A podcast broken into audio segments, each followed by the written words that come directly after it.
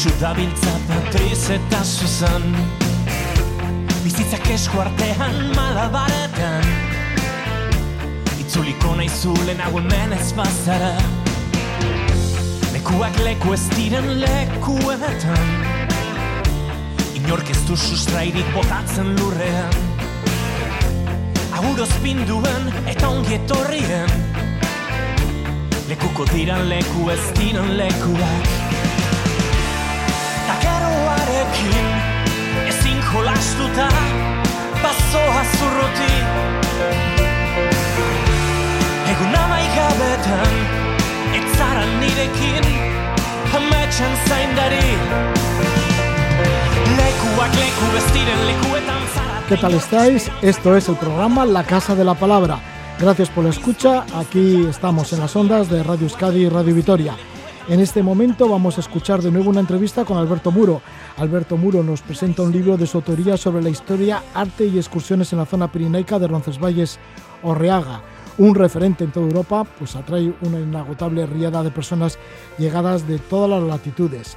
Vienen en su mayor parte como peregrinos compostelanos. No en vano, hace casi mil años se creó el primer refugio para caminantes por aquellos lares. Así que vamos a recordar esta entrevista que le hicimos a Alberto Muro sobre su libro de Roncesvalles Orreaga. Y también recordaremos la entrevista que le hicimos a Gorka Andraka, también sobre un libro, sobre el libro Chiribitas, historias que prenden vida. Gorka Andraka, periodista, es el creador del programa de radio Mar de Fueguitos. Y en este libro de Chiribitas, pues recoge una colección de 72 relatos inspirados en situaciones vividas en diferentes lugares de la Tierra, como pueda ser el desierto de Atacama en Chile, en Bagdad, en Gaza, en Florencia o en París. Además aquí Gorka se acompaña de María Uriarte, que pone su bella voz a algunos de los textos de Chiribitas. Además estaremos con dos grandes exploradores. Estaremos con Jurek Fienkiewicz, guía de kayak de mar, e Igor Bernas, guía de esquí de travesía de montaña. Juntos han estado en lugares como las montañas rocosas en Canadá, incluso grabaron un vídeo de una gran avalancha que se hizo viral, una gran avalancha que se acercaba hacia ellos, pero bueno, se salvaron de esta. Y esta vez pues, nos van a presentar el documental Elur Goritan, grabado en la península de Kamchatka, en Siberia, en la Siberia más oriental, junto al Océano Pacífico frente a Alaska. Han ido a esquiar en sus volcanes, algo bastante inédito en esta región tan olvidada, y nos lo contarán ellos. Nos lo contarán los propios protagonistas, Jurek y Igor. Pero ahora estamos con Alberto Muro, que nos lleva a Roncesvalles, Orreaga.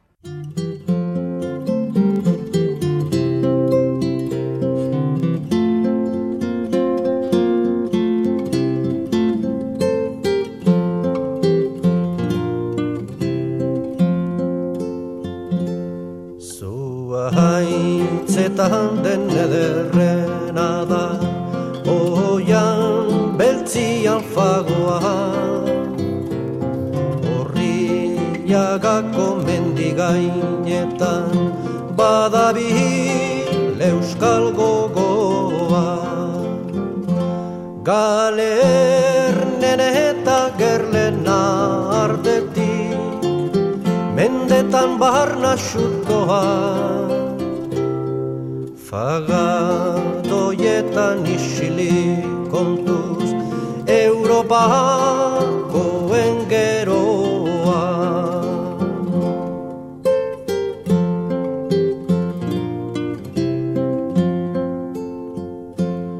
Zonbat gerlari sarraskiz goze Odolez eta suzordi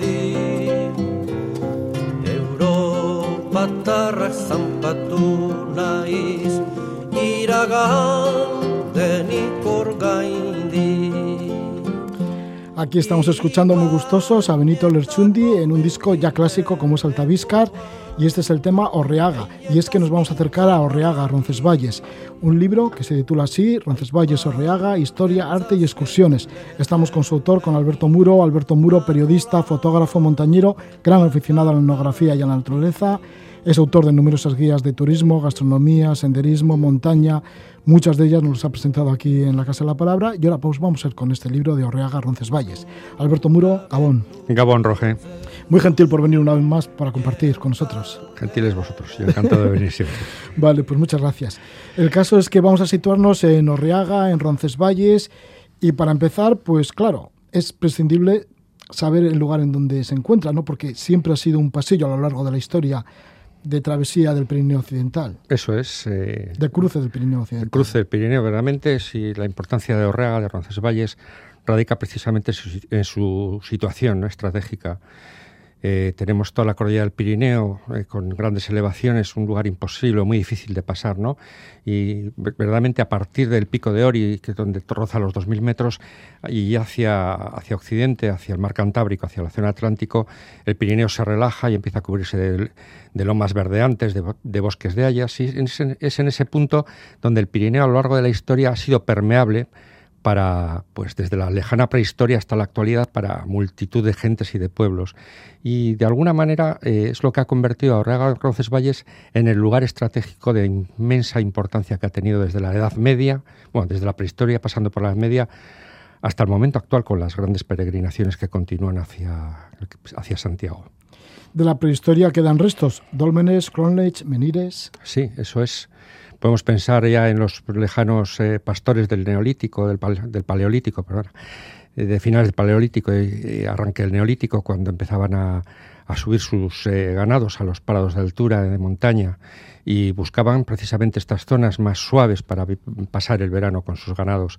A partir de ahí, pues el paso incesante de gentes a través de esa frontera, de, esa de esa zona permeable entre la península ibérica y el resto del continente europeo, pues ha convertido este lugar en un verdadero atractivo para, para miriadas de peregrinos, de comerciantes, de ejércitos, podemos hablar desde aquellos antiguos mm, pobladores de la prehistoria, pasando por las tribus celtas y la cultura celta que tuvo un origen más tardío en la Edad de Hierro.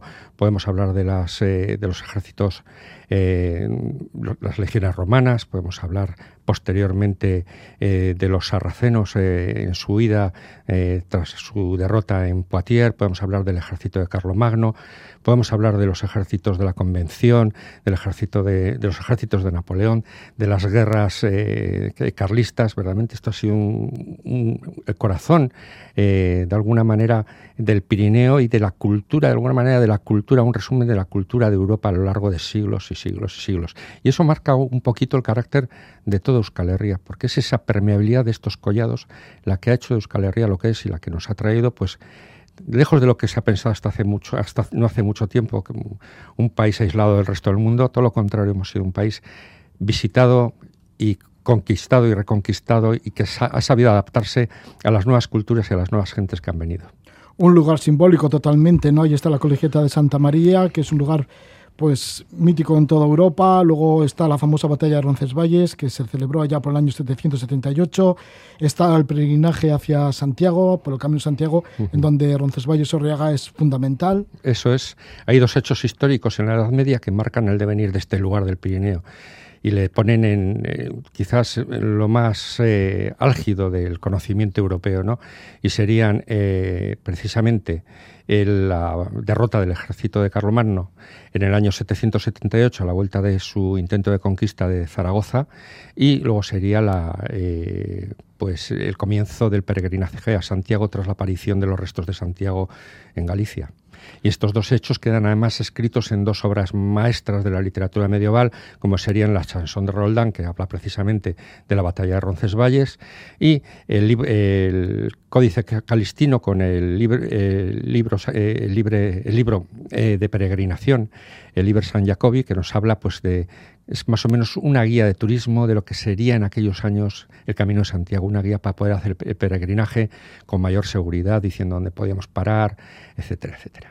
Todas las leyendas que arrastró la batalla de Roncesvalles, porque el mismo Roldán es como un personaje legendario. Pues sí, verdaderamente lo más difícil a la hora de, de afrontar una obra como esta ha sido llegar, bueno, investigar, intentar llegar a, acercarnos un poco a la realidad de lo que ocurrió en aquellos tiempos, porque por distintos motivos, distintos historiadores, distintas culturas, distintas personas de uno o de otro país han intentado eh, de alguna manera hacer suya esa batalla y llevarse las glorias de ese, de ese, momento histórico, ¿no? Eh, los, los, francos lo hicieron con la chanson de Roldán, diciendo que, que el ejército de Carlomagno tuvo que, convirtiendo en un héroe al sobrino de Carlomagno, en este caso a, Roland, y diciendo que tuvo que enfrentarse a un ejército inmenso de sarracenos. Eh, por otro lado, eh, a nivel de, de, la, de Euskal Herria, pues se ha intentado siempre verlo desde el punto de vista de una escaramuza, de una guerra entre la, retaguardia del ejército de Carlomagno y tribus vasconas de uno o del otro lado del Pirineo. Pero verdaderamente la historia en esto no es nada clara. De hecho, no se sabe en qué punto exacto fue la batalla. Si fue exactamente en la zona de Ibañeta, si fue en el Valle de Arce, si fue quizás otros nos llevan hasta la zona de Candanchú. Eh, no se sabe exactamente dónde transcurrió la batalla y mucho menos se sabe eh, quiénes tomaron parte y qué tamaño de ejércitos y de qué manera se enfrentaron. Sí parece claro que una escaramuza, una escaramuza entre quizás, podríamos decir, eh, vascones del norte del Pirineo y otros del sur del Pirineo, eh, después de, en venganza por la toma y el asedio de la ciudad de Iruña, de Pamplona, ayudados posiblemente por, eh, por contingentes eh, musulmanes, porque en aquel momento en Pamplona no solo vivían eh, gente de raza vasca, sino que también vivían musulmanes y convivían perfectamente. Entonces, ambos sufrieron el asedio de las tropas de, de Carlomagno y ambos posiblemente quisieron vengarse en estos collados, en estos estrechos de Ibañeta de, del ejército y, aprovecharon para atacar precisamente la retaguardia que estaba protegida por, según dice la leyenda, por el propio sobrino de Carlomagno, eh, Roland, y los doce pares de Francia, lo más granado del ejército del ejército franco de aquellos años. De ahí pues salen esos cantares clásicos, ¿no? El cantar de Roldán, esas obras clásicas, y también el canto de Altaviscar. Salieron varios cantares. Lo que hizo verdaderamente eh, épica la batalla de la batalla de Orreaga eh, eh, la aparición en tres años, tres siglos después de la, la de Roldán, el poema épico más importante de toda la Edad Media. Y es ahí donde nos narran con pelos y detalles qué ocurrió en aquellos lugares, pero claro, llevado por la épica del ejército franco, ¿no? Cómo fueron acorralados, cómo eh, eh, Roldán eh, tuvo eh, tocó su olifante, aquel gigantesco cuerno, para avisar a Carlomagno que no, pudo llegar a tiempo porque estaba muchos kilómetros más allá. Cómo no pudieron reaccionar ante el ataque con piedras, con flechas y de, las tribus. bueno, en la chansón del Roldán diríamos de los sarracenos, de un ejército mucho mayor. Cómo rompió su espada Durandal para que no cayese en manos del enemigo. Un poema épico que marcó la historia de Europa durante muchos siglos. Eh, esa sería el, cantar más famoso de todos. Hubo otros intentos de cantares hechos desde, desde, el reino, desde el reino de Asturias y otro muy curioso, quizás el más curioso y más interesante y que más nos puede llegar al alma a los vascos, pues es el, el cantar de Altaviscar. Eh, el cantar de Altaviscar que mm, apareció allá en el siglo XIX eh, en Bayona y durante mucho tiempo se creyó que era también un cantar épico que había pasado de, boca en boca a través de los siglos y era la narración de aquella famosa batalla, pero en vez desde el punto de vista de los francos, era la narración de la batalla desde el punto de vista de los vascos, ¿no? de las tribus que habían atacado a Roldán después del asedio de, de Iruña. Y con el tiempo se vio que era una invención de un joven estudiante de origen bayonés que en una fiesta, eh, mientras estudiaba en París, escribió aquella historia para narrarla en una, en una cena con amigos de origen vasco. Y otro amigo suyo de, de, de Spelet le puso la música. Y fue un, un, gran estudioso de los temas, eh, del tema vasco de aquellos años, un inglés, eh, el que se dio cuenta del engaño y sacó a la luz pues aquel, aquella mentira, ¿no? Pero curiosamente ese cantar de Altaviscar se ha convertido en un cantar épico eh, moderno y que hasta Benito Narchundi en el año 1981 lo sacó a la luz con un precioso disco, que es el que hemos escuchado al principio del programa. Que era un disco doble. Sí, sí, o sea que bueno, da mucho de sí Orreaga y simplemente ya el paso de la historia por allí da mucho de sí. El paso de los peregrinos todavía da muchísimo más de sí. Porque tiene que tener un ambiente tremendo, ¿no? Roncesvalles. Roncesvalles ha pasado, eh, ha pasado momentos de ¿Con penuria. tanto peregrino? Sí, pero hubo momentos en que no hubo tantos peregrinos. Es algo que ha vuelto a renacer ahora, curiosamente.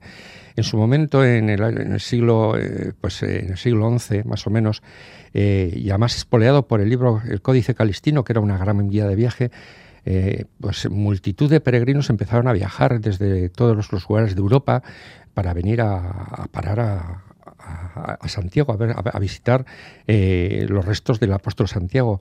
Y, fue, y lo hacían cruzando el Pirineo precisamente por el alto de, Ibañeta. Y es por ello que ahí se construyó un pequeño hospital, que no fue Orrega- Roncesvalles. El primer hospital que se construyó fue una pequeña ermita en el alto de, el mismo puerto de Ibañeta. Pero el frío, las nieblas, las tormentas, el ataque de, diversos animales, enfermedades, acabaron por mm, ver la necesidad de cambiar aquel sitio y buscar algo más resguardado. Y en aquel momento se pensó, el- los reyes de Navarra, que siempre han estado muy unidos, la corona, a este lugar de Orrega Roncesvalles, a la propia colegiata, pensaron que había que hacerlo en un sitio más bajo, un sitio más protegido por los bosques, y eligieron el lugar donde actualmente está eh, la colegiata, que es ese paraje eh, al pie del puerto, protegido eh, por la muralla de los bosques, en la cabecera del valle, lo que conocemos verdaderamente como Orrega, porque una cosa sería, la colegiata Roncesvalles, y podríamos hablar de Orrega como el lugar. Como el topónimo del lugar, un antiguo sel, un antiguo terreno que existía allí que se llamaba Orrega y de que- del que se tiene constancia histórica con ese nombre. En la colegiata de Santa María está enterrado Sancho el Fuerte.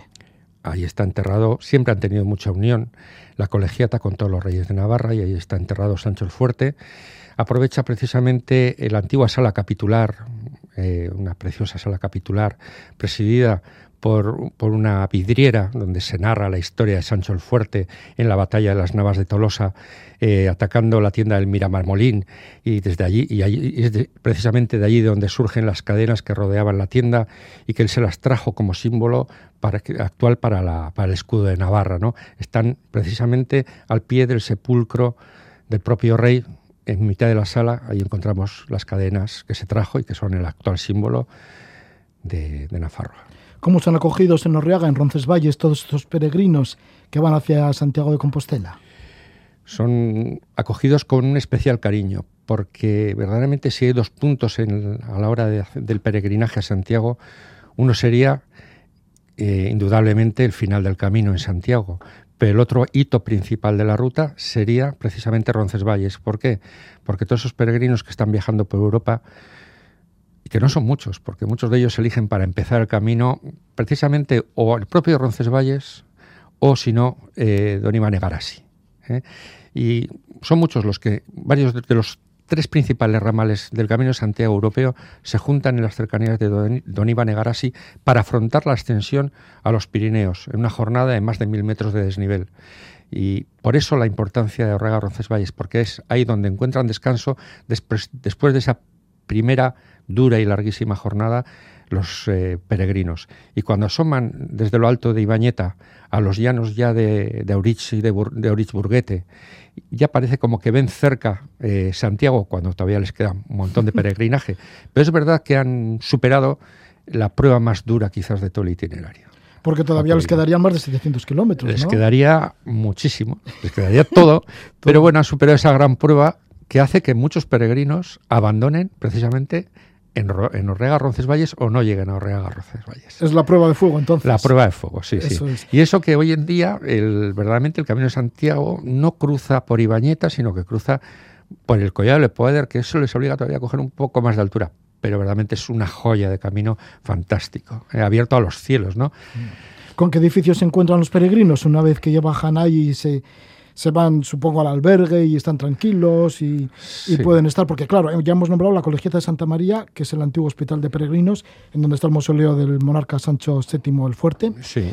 ¿Y qué más se pueden encontrar? Bueno, podemos decir primero que Porque ya solo con la Colegiata ya con la colegiata de Santa María ya es una joya, ¿no? Pero podemos decir que, aparte de peregrinos, aparte de turistas, hay una gran acogida porque si hay otro hito importante en la colegiata es la propia eh, cariño y la propia fe que tienen eh, los eh, valles limítrofes hacia la Virgen de Santa María de, de.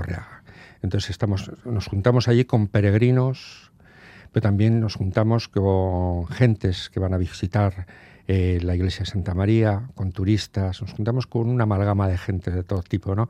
Pero es verdad que lo que más llama la atención son los decenas y decenas de peregrinos que cada día eh, se acercan en primavera, en verano, en otoño, en invierno a la propia, al propio, a la propia colegiata de Orreaga. Y lo principal que nos vamos a encontrar, pues un complejo de edificios desde posadas, hoteles, iglesias, capillas, antiguos hospitales convertidos en albergue de peregrinos que no están regentados por la propia comunidad de monjes que llevan el propio monasterio, sino que están llevados por, una, por unos voluntarios ¿eh?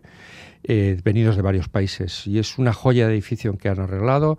Eh, actualmente es el antiguo, el nuevo hospital, el antiguo está en ruinas y acoge cada noche, pues se llena se llena, sobre todo en primavera, verano, se llena de peregrinos. Incluso ha habido que habilitar unas nuevas zonas con pabellones nuevos y zonas de acampada en el exterior porque no dan abasto. La verdad es que es un éxito absoluto cuando verdaderamente la colegiata, el, el propio Camino de Santiago, ha vivido unos años de crisis eh, unos siglos de crisis y en la actualidad ha vuelto a resurgir y son un montón de gente las que hacen el camino, no solo guiados por la fe, sino simplemente por un atractivo turístico, por un reto personal o quizás movidos por la épica de la batalla también. Estamos con Alberto Muro, autor del libro Roncesvalles Orreaga, Historia, Arte y Excursiones. Nos estás hablando, pues eso, de la historia desde los tiempos primitivos hasta, hasta los peregrinajes de hoy en día. Y en el libro todavía hay más apartados porque está el entorno natural que tanto te gusta, hay varias rutas también marcadas y dentro del entorno natural hay otro tipo de, peregrinaje, la de las aves migratorias, que también hay observadores de aves porque por aquí pasan muchas aves que vienen del norte de Europa. Pues esa es la verdad, que aparte de los peregrinos eh, movidos por la fe, hay otros peregrinos que vienen movidos por los problemas eh, del clima, ¿no? movidos cada año pues, eh, para, buscar los lugares de, de, hibernada más interesantes para ellos, no más seguros. Estas son multitud de aves que vienen del norte de Europa y que viajan hacia el sur de, de la península ibérica y tienen que cruzar estos altos de los Pirineos y lo hacen principalmente, no lo van a hacer por las zonas más altas, buscan como nosotros los humanos buscamos los collados más bajos también en el Paleolítico, pues ellos también para sobrepasar la cordillera del Pirineo buscan los pasos más bajos y lo hacen por aquí, por el collado del Indux y en Irati también lo hacen por el collado Orgambidesca y es cada año llegan a pasar cerca de millón o más de un millón de aves son las que surcan estos cielos. Entonces ha puesto en marcha un proyecto europeo en el que se puede tomar parte activa eh, de forma voluntaria para la observación de esas aves que pasan por allí, su identificación, su numeración y saber de qué manera, por ejemplo, el cambio climático está afectando en estos momentos al movimiento de esas aves migratorias. Es un espectáculo que puede hacer cualquiera. E incluso animo a hacer una ruta, una de las rutas más sencillas que se puede hacer desde el propio Riaga, cogiendo la, la ruta en sentido contrario hacia el puerto de Ibañeta y el puerto de Ibañeta a la cumbre del Indus. En la cumbre del Indus además encontraremos un antiguo fortín de las guerras carlistas y desde allí eh, podremos ver si coincidimos en la época de la, del paso de las aves eh, podremos ver a multitud de estudiosos y de voluntarios con sus prismáticos, sus telescopios terrestres, eh, escrutando los cielos, identificando las aves con sus libros eh, de sus guías de aves y apuntando en una guía pues todo lo que están contemplando para luego pues hacer una, una evaluación seria. Se marcan eso, tres rutas importantes por Arriaga, Roncesvalles. Esto es lo que da de sí y bueno, y todavía mucho más porque hay que ver las fotografías que son bellísimas del propio autor, el propio autor de los textos y las fotografías que es Alberto Muro. Muchísimas gracias Alberto Muro por presentarnos este libro, Roncesvalles Orreaga, Historia, Arte y Excursiones, que lo edita su edición. Escaricasco Suey. Un hombre del pueblo de Neguá, en la costa de Colombia, pudo subir al alto cielo y a la vuelta contó. Dijo que había contemplado desde allá arriba la vida humana y dijo que somos un mar de fueguitos. El mundo es eso, reveló, un montón de gente, un mar de fueguitos. Cada persona brilla con luz propia entre todas las demás. No hay dos fuegos iguales, hay fuegos grandes y fuegos chicos y fuegos de todos los colores Hay gente de fuego sereno que ni se entera del viento y gente de fuego loco que llena el aire de chispas. Algunos fuegos, fuegos bobos, no alumbran ni queman, pero otros arden la vida con tantas ganas que no se puede mirarlos sin parpadear y quien se acerca se enciende.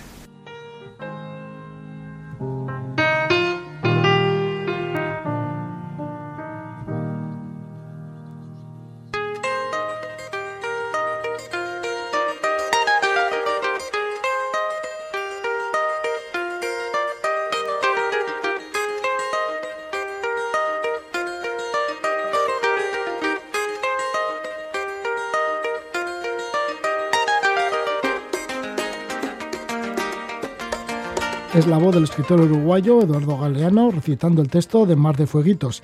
Esto es la sintonía, la famosa sintonía de Mar de Fueguitos, un programa radiofónico que lleva ya 19 años porque se inició en enero de 2000, además se inició en esta misma casa, en Radio Euskadi.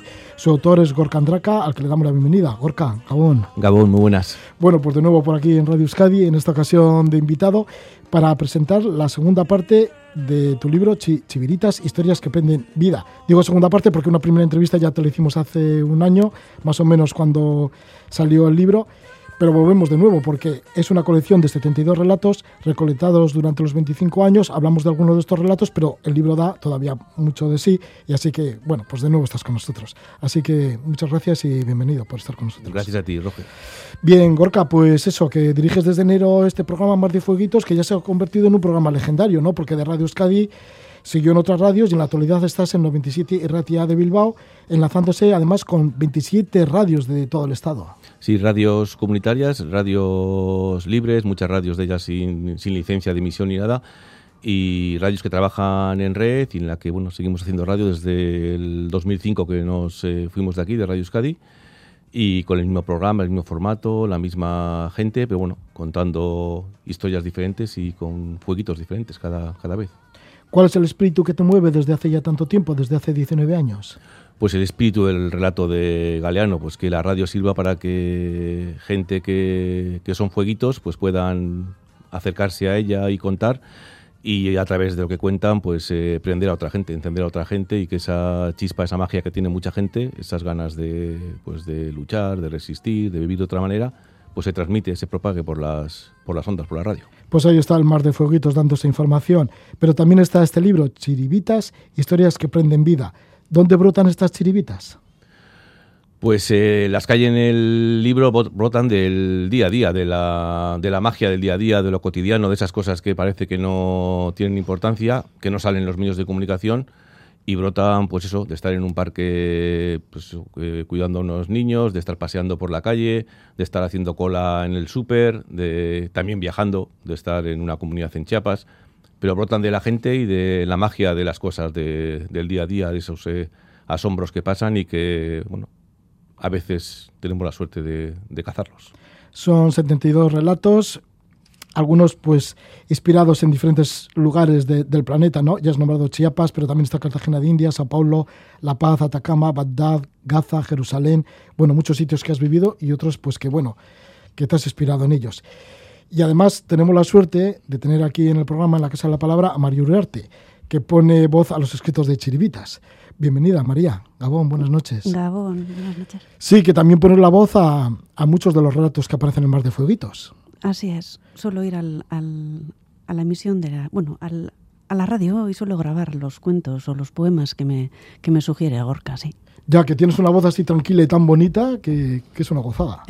sí, sí, sí, sí. Sí, luego aparte de la voz, también la pasión que le puedes poner contando, porque aunque tengas voz también, y claro, y María hace años ya, pues igual también casi 20 años, que viene a Mar de Fueguitos a contar cuentos de, bueno, los cuentos que salen en el programa, y ya pues aprovechando cuando salió las chiribitas, pues se apuntó y ha estado también en todos los sitios que hemos presentado el libro, contando los relatos. Disfrutando. Disfrutando.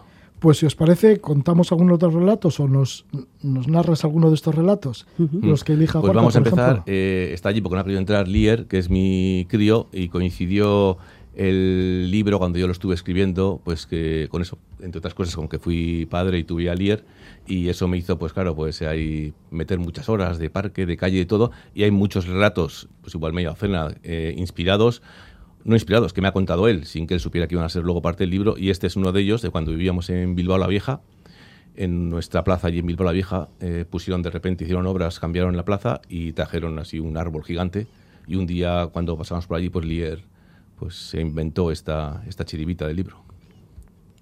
Nada más llegar, se hizo dueño del barrio, como si llevara allí toda la vida.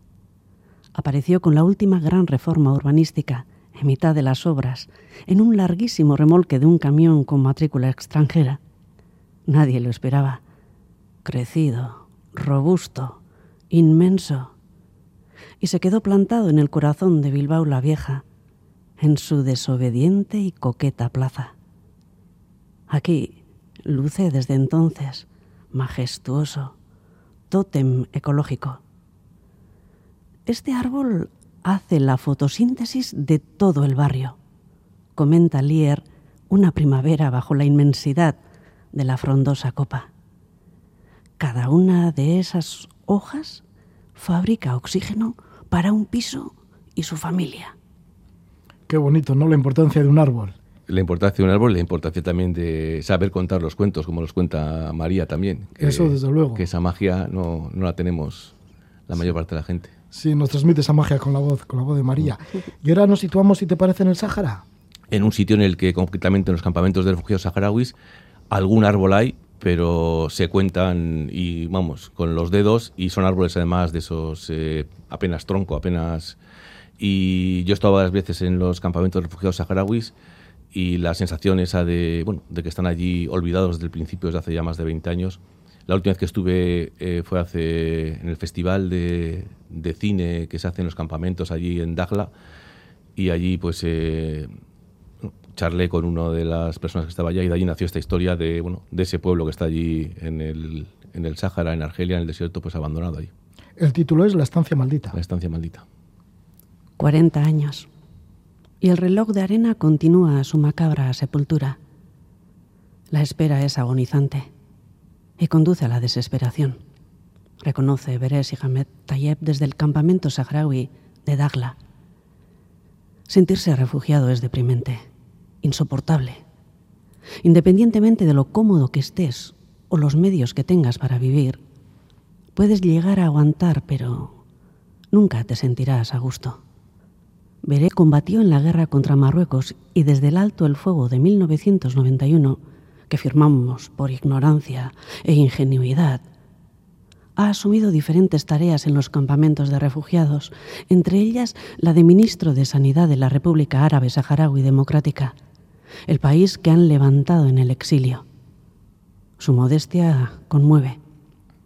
Soy el fontanero de la esquina, comenta al hablar de su actual y trascendental tarea el control del suministro y calidad del agua en Dagla. Su sinceridad y desazón acongojan. Un refugiado es un ser humano sin apellidos, un bastardo. Es lo peor que te puede pasar. Todos los demás, todo lo demás son detalles ínfimos, confiesa.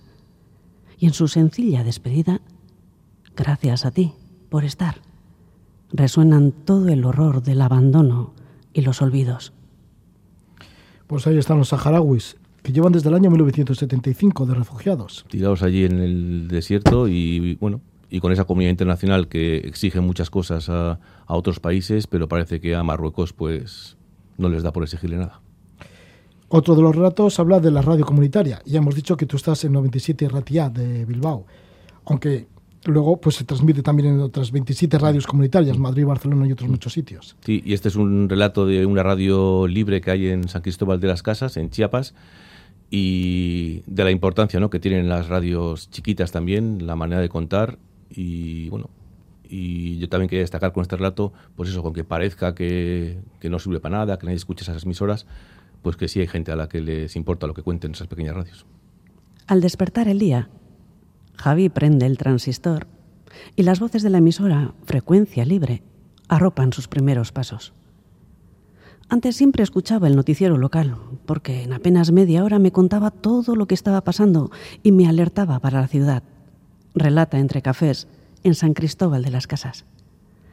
Desde que han quitado ese programa es como si saliera desnudo, confiesa. Camino con más miedo, como si me faltara algo. La importancia de la radio. Sí, la importancia de la radio. Bueno, el caso es que otro de los temas que tratas es el viajar, porque claro, muchos de estos sitios ya hemos dicho que los has visitado y son un montón de ellos. Mm. Sí, y este también al hilo de ese programa de viajes que tantos años llevas haciendo tú y que en aquella época me acuerdo que yo hice, que tú estabas de vacaciones o hice uno que se llamaba El Refugio de la, en parte cuando no estaba el tuyo y eso. Esta es una historia que tiene que ver con, con viajar pero con gente que, que, no ha viajado nunca, gente que no ha tenido la oportunidad, que vive aquí, pues como nuestros padres, que hasta, pues hasta casi muy mayores no han podido viajar. Y es una historia de eso, de viajes y de descubrimientos. Hacía tiempo que se lo había prometido.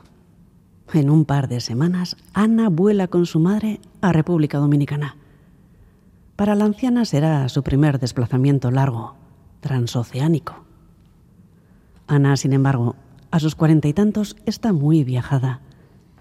Una tarde antes de partir, la hija abre un atlas y recorre en el mapa mundi los miles de kilómetros que separan Bilbao de la isla caribeña. Su madre, atenta, boquiabierta, descubre los confines del planeta. Ahora entiendo por qué viajan tanto los jóvenes. Hay tantos lugares, tanto que ver. Bueno, pues ahí está otro relato que aparece en este libro, Chiribitas, historias que prenden vida. Estamos con su autor, con, Gorka Andraka, que también es el artífice de Mar de Fueguitos, el famoso programa en emisión desde el año 2000 hasta hoy en día. Y vamos a oír ya con la despedida, con el último relato. Mm. Eh, el último relato habla de fueguitos, habla de chiribitas, decir eh, que la gente se confunde. Y está el debate si son chividitas o chiribitas, que ya veo que te estás ahí, que te cuesta. Bueno, yo como soy disléxico, siempre lo digo mal. Por eso, pero bueno, son es chiviritas. No, es chiribita. Hay chiribitas. Por eso pues digo, mira, gracias. Por eso digo, por eso digo. Es chiribitas. No, solo lo digo mal, sino que lo escribo como mal. las almóndigas, las albóndigas puede decir de las dos, pero de momento son chiribitas con la R. Eso es. Y este es el, relato que, cierra el libro y es un homenaje a toda esa gente que, bueno, a pesar de la, a pesar, bueno, o tenga la edad que tenga, pues sigue creyendo en, los fueguitos y en otras maneras de ser y de hacer las cosas. La gente cuerda. El viejito camina solo, su rostro ajado, la barba espesa y blanca, un vestir exquisito. En sus manos, una larga vara con un cartel prendido en lo más alto. La lucidez es una forma de resistencia. Un fueguito, otro, entre miles, durante la gran marcha en París del segundo Foro Social Europeo. Pues ahí están todos esos fueguitos, a esos a los que les dedicas tu programa, ese programa de Mar de Fueguitos.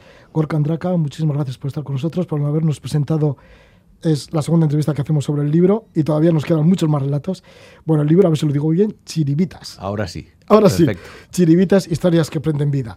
Pues muchísimas gracias, Gorka Andraka, por estar con nosotros. Sé que además el libro se está traduciendo al euskera. Sí, está a punto de salir. Esperamos que para, bueno, a punto, esperamos que para ver si para la feria del libro en euskera en Durango tenemos en euskera ya el, el librito. Vale, pues ya lo anunciaremos.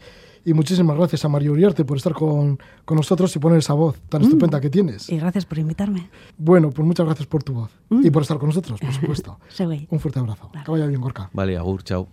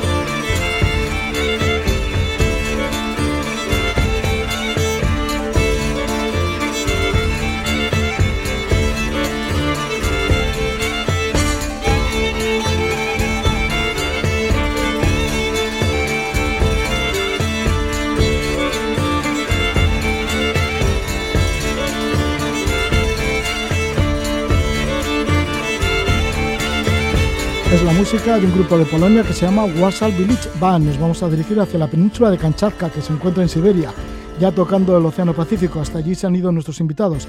Así estamos con Jurek el polaco y Igor el ruso, que no, que, no, que son de aquí.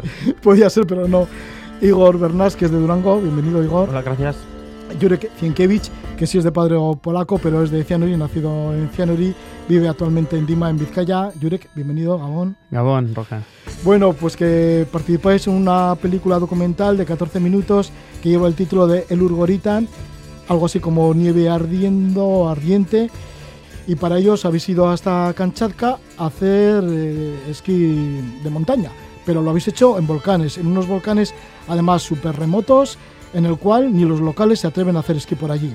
¿Cómo ha sido entonces esta idea, Jurek?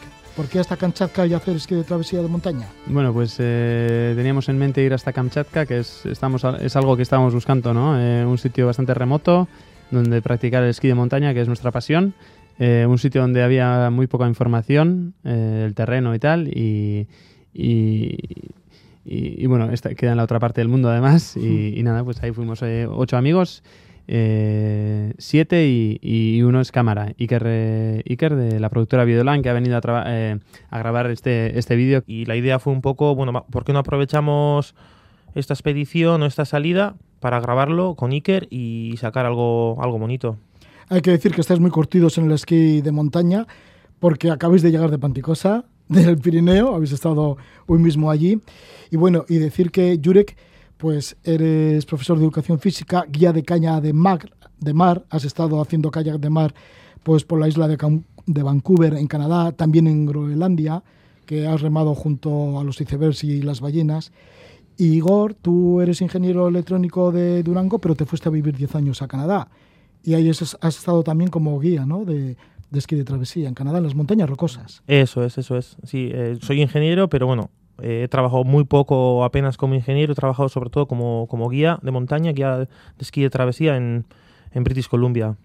Hay que decir como anécdota que os conocisteis, yo creo que casi accidentalmente, allá en las montañas rocosas y al poco de conoceros vivisteis una gran avalancha, que la grabasteis en vídeo, de esto ya hablamos alguna vez con Jurek, lo grabasteis en vídeo y fue algo viral, esa gran avalancha. Sí, lo grabamos ahí en el sitio donde trabaja, trabaja Igor y, bueno, fue algo curioso, algo único y, que se hizo viral en todo el mundo y para nosotros pues un chollo poderlo ver ahí en primera fila. Esto fue en Revelstock, en la provincia de British Columbia, en Canadá, en donde trabajas, ¿no? Que estabais por allí en el refugio, estabais bajando el refugio y de repente visteis que caía una gran avalancha y tuvisteis la oportunidad de, grabarlo en, Eso es. en el móvil. Fue, fue una coincidencia tener la suerte de poder grabarlo y tan de cerca y, y de esa magnitud. Y luego, bueno Gracias a ello hicimos un pequeño corto, un pequeño vídeo y se hizo, se hizo viral. No sé si un montón de visualizaciones, como dos millones y medio y apareció en las noticias, en un montón de sitios y bueno, lo interesante o como, como anécdota fue que Jurek, que grabó esas imágenes, las mandó a un amigo aquí al País Vasco que trabaja eh, en ITV y se enteraron antes en casa por los medios de comunicación, porque salió en las noticias que nosotros mismos que la habíamos avisado. Entonces fue un poco, se llevaron bastante susto en casa, porque vieron en, las noticias que el cuatro vascos que habían observado la avalancha, pero nosotros no le habíamos dicho nada en casa todavía. Sí, esto salió en ETV, pero luego se hizo viral por todo el mundo, ¿no? Porque os llamaron desde Los Ángeles, desde Nueva York. Sí, sí, sí. Eh, nos llamaron desde diferentes eh, productoras que, que bueno, se, se encargan de, de, bueno, de, buscar este, este tipo de vídeos especiales y luego ya ellos los difunden eh, por todo el mundo. Esperemos que eh, con el documental del el Urgoritan pase lo mismo. Sí, por eso igual elegisteis Kamchatka. Digo, porque habéis elegido un lugar como bastante alejado y además no muy explorado, ¿no? Por el esquí de travesía. Yo creo que esa era la idea, un poco que teníamos ir a un lugar nuevo, que no esté explorado, que no haya información y, y buscar, pues, un poco ese, ese, mm, esa parte de, aventura que quizás hoy en día no es tan fácil encontrarla ah, porque está todo bastante masificado. ¿Con qué os encontréis cuando llegáis allá a la península de Kamchatka? Que solo con llegar a la península de Kamchatka debe ser una aventura. Sí, eh, Kamchatka está justo al otro lado del mundo. Desde, desde Moscú hay unas 11 franjas horarias. Entonces, bueno, ya una vez que entras en, Rusia, pues sí que tienes que coger un vuelo eh, de nueve horas para llegar a Kamchatka Y, y, bueno, aparte de unos volcanes y un terreno precioso, pues eh, coincidimos pues también con una gente que, que, que, bueno, igual teníamos eh, ciertos prejuicios eh, respecto a, rusos que pueden estar viviendo ahí en la punta del mundo y que fueron muy amables, muy cordiales y, hicimos muy buena relación con ellos. ¿Qué os, decían los rusos, los locales, de que hubi- hubierais llegado hasta Kamchatka y, y además para hacer esquí? Porque ellos practican el esquí allí. No, eh, no vimos ningún, ningún local practicando esquí y bueno, para ellos algo, algo bastante nuevo. Hay que decir que Kamchatka estuvo cerrado hasta los años 90 para cualquier persona extranjera, entonces eso también les ha hecho un poco estar aislados durante un montón de años. Ahora poco a poco está entrando más turismo y se empieza a ver algo de esquiadores, pero nosotros en toda la estancia que estuvimos, en todo el viaje, eh, apenas vimos alguna huella en lugares así un poco cerca de la capital, pero quitando eso, en, los- en las dos expediciones que hicimos así a lugares más remotos no vimos a nadie.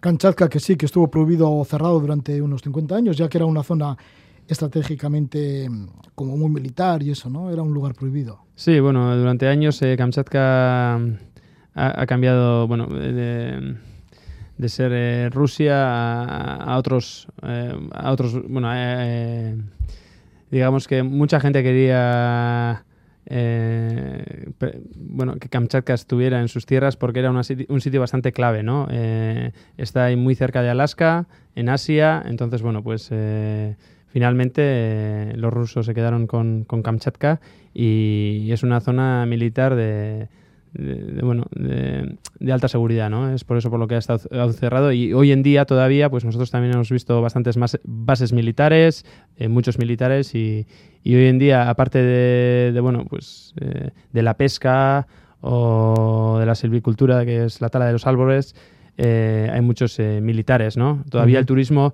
están haciendo ahí en Kamchatka. ¿Cómo es entonces la logística para acercarse uno a estos volcanes? Y además luego esquiar en estos volcanes. Po- poca logística desde un principio porque no teníamos mucha información. eh, intentamos buscar algo en internet. Había habido muy poca gente que había hecho la idea que teníamos nosotros de, de esquiar los volcanes. Entonces, un poco basándonos en la experiencia y un poco con los mapas locales, un poco nos lanzamos a la aventura y una vez allí así que pudimos observar de primera mano, eh, un poco explorar el lugar, preguntar a la gente, que eso fue otro reto importante, ya que no hablaban, no hablaban inglés y nosotros no hablábamos ruso y bueno, fue un poco sobre la marcha, teníamos dos objetivos así eh, principales, que eran esquiar unos volcanes de la zona de, de Abacha Camp y luego otro, otra expedición de otros 5 o 6 días en Snow Valley. ¿Cómo hacíais eso para acercaros a esos volcanes? ¿Cómo montabais los campamentos? ¿Cómo llegabais? ¿Qué hacíais? ¿Subir a la cumbre del volcán y luego os, de- os os deslizabais en esquí?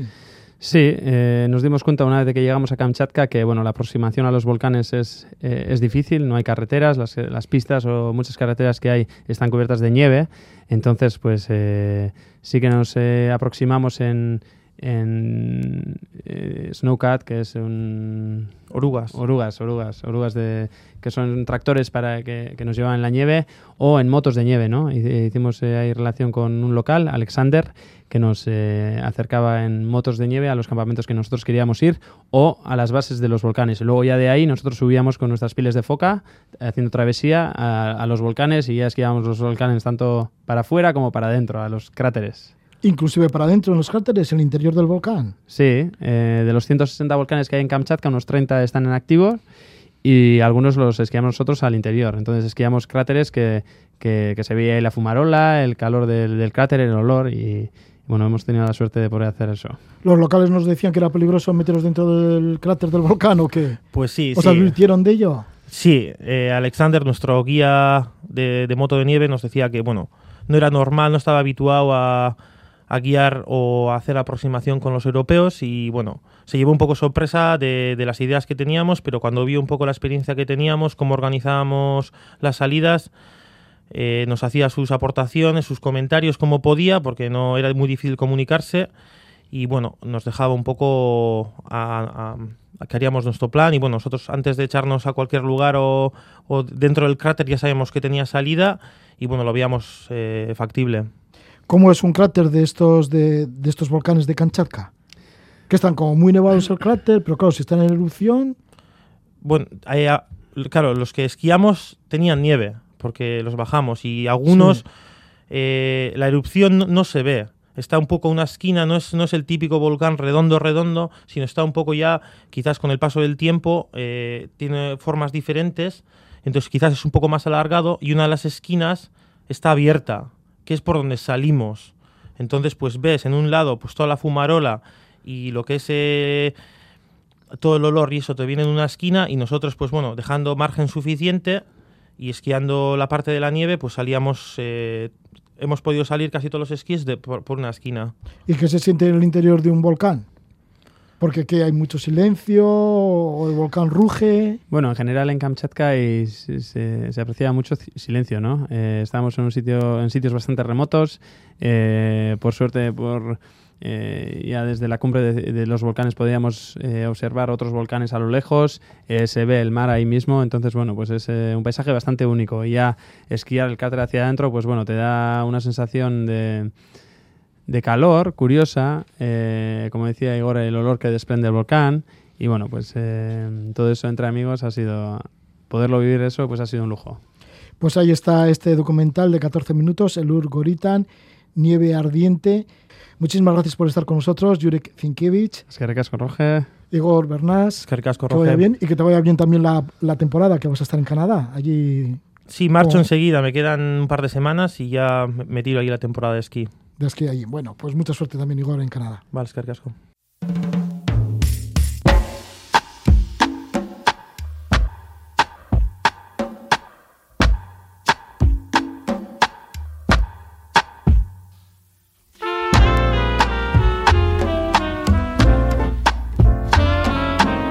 Hemos querido escuchar de nuevo a Jurek e Igor en una entrevista que la emitimos en noviembre de 2019. Nos retiramos con la música de Sichik Temple. Ahí está Chris Slavers, compositor, multiinstrumentista y productor. Se acompaña de un veterano grupo, The Dream Syndicate. Que vaya todo muy bien, buena suerte y cielos despejados. I can feel the light shining